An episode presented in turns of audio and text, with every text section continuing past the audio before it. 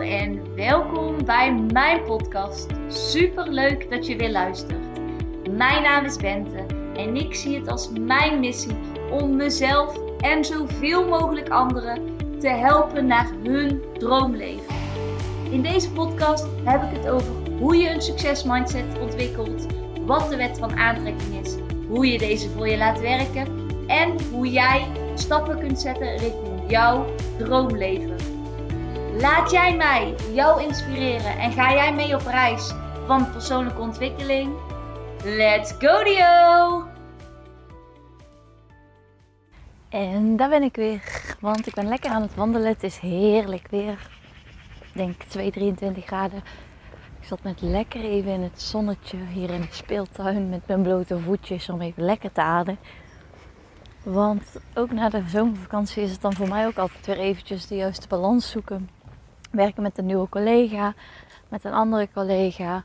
Uh, weer even de juiste balans zoeken tussen wanneer wel bezig met werk, wanneer niet.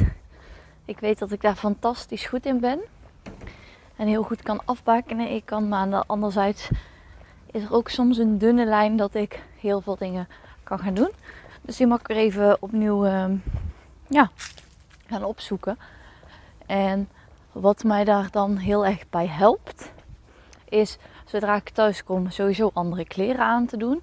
En dan direct eventjes ook even uit de omgeving of een andere activiteit gaan doen.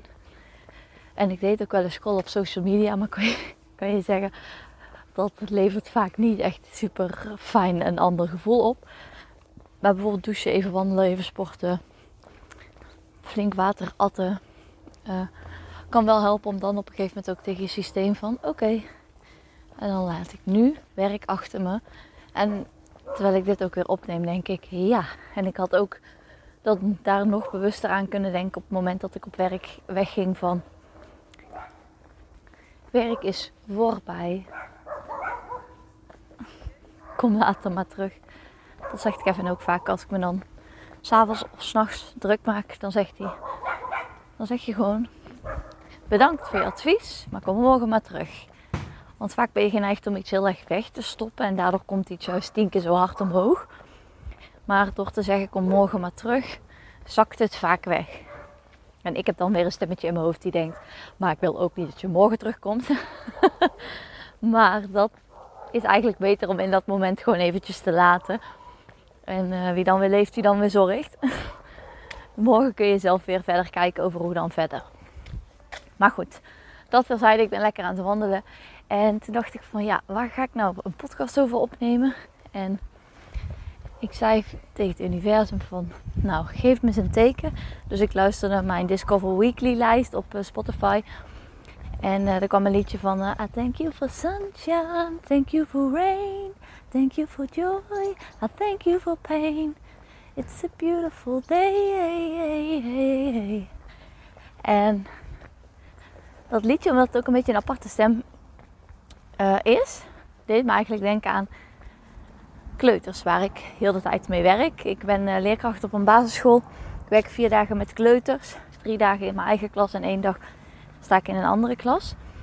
En ik denk dat er een aantal lessen zijn die wij van kinderen in het algemeen, maar van kleuters kunnen leren.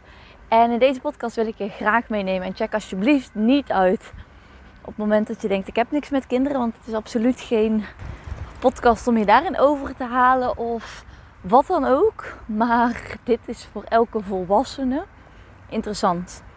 En echt, ga een dag spenderen met de vierjarige en je lacht je rot.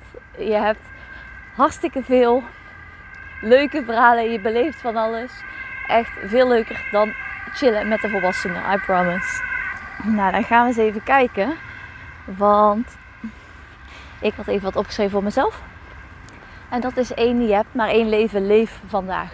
Als kleuters iets doen, is het leven vandaag. Als zij vandaag iets willen, dan willen ze het ook echt. Morgen kan het zo weer totaal anders zijn. Dus kleuters zijn super goed in het volgen van hun passie, in het volgen van hun ja-gevoel. In niet kijken naar het resultaat, niet kijken naar de uitkomst. Kunnen ze ook niet. Kunnen niet oorzaak en gevolg denken. Maar gewoon puur te voelen, waar heb ik nu behoefte aan? Heb ik nu honger? Heb ik nu dorst? En dat is echt zoiets waar wij als volwassenen dan volgens onze regels en richtlijnen opgooien. Maar zij kunnen nog voelen. Zij staan zo dicht bij hun gevoel. En zij zijn daar master in. Dus word je ook bewust op het moment dat een kind van jou vraagt en jij reageert meteen op een bepaalde manier. De kind voelt puur aan waar hij of zij behoefte aan heeft. En waar we dat later allemaal fantastisch vinden en heel goed vinden, uh, merk ik vaak dat wij dat bij kinderen juist vaker wegduwen. Um, omdat ja, we zoiets hebben van jij kan niet bepalen. Terwijl het zoveel ruimte zou geven. En het ook jezelf heel veel meer bewustwording kan geven op het moment dat je het wel kan toestaan. En het kind kan zien als een voorbeeld. Want het is niet zo zwart-wit dat kinderen alleen maar leren van ons. Absoluut niet. Ik denk dat wij tien keer meer van kinderen zouden kunnen leren als we ervoor open zouden staan. Dan nummer twee, oprechtheid en eerlijkheid. Je ziet bijna geen kleuters, alleen als ze bang zijn dat ze misschien straf krijgen, die liegen. Dus oprechtheid en eerlijk. What you see is what you get. En dat is waar ik zo van hou. Soms is het in ons ogen misschien lomp. Of is het niet het juiste moment. Of stel je bepaalde soort vragen niet en zij stellen hem wel. Maar het is altijd vanuit een bepaalde puurheid. Vanuit een eerlijkheid. Vanuit een oprechtheid. Het is nooit bewust opzettelijk iemand kwaad doen. En daar kunnen wij als volwassenen nog zoveel in leren. En wij komen allemaal natuurlijk daar vandaan. Wij zijn ook ooit zo geweest. Dus het zit in ons allemaal. Het is niet zo dat het maar de twijfel is of dat in jou zit en dat het in je overbuurman niet zo zit. Het zit in ons allemaal. En we hoeven alleen maar weer contact te gaan maken met dat stuk, met dat deel in ons en het weer te vinden. En met een eerlijkere wereld zou er meer oprechtheid zijn, meer puurheid en ook veel meer liefde die met elkaar gedeeld zou kunnen worden. Dus take notes. Dan drie, wat is tijd? Kleuters hebben letterlijk en figuurlijk geen tijdsbesef. Wat betekent dat ze heel erg kunnen genieten, maar ook uh, daarbij dus niet kunnen inschatten hoe lang iets duurt of wat nu handig is voor nu en voor in de toekomst. En wij als volwassenen zijn heel vaak bezig met tijd. Want als ik nu dit doe, wat heeft dat gevolg voor de toekomst? We zijn ook bezig met het verleden. En maar heel weinig zijn wij in het hier en nu. Het komt maar heel weinig voor dat wij in het hier en nu zijn zonder ofwel met het verleden ofwel met de toekomst bezig. Uh, zonder dat we ofwel met het verleden of met de toekomst bezig zijn. En dat is leef nu. Je leeft nu. Je weet niet hoe lang het nog is gegeven. En zo is het. En zo had ik ook een mooi voorbeeld. Een jongetje uit mijn klas, die had een ongeluk gehad vorige week, een fietsongeluk.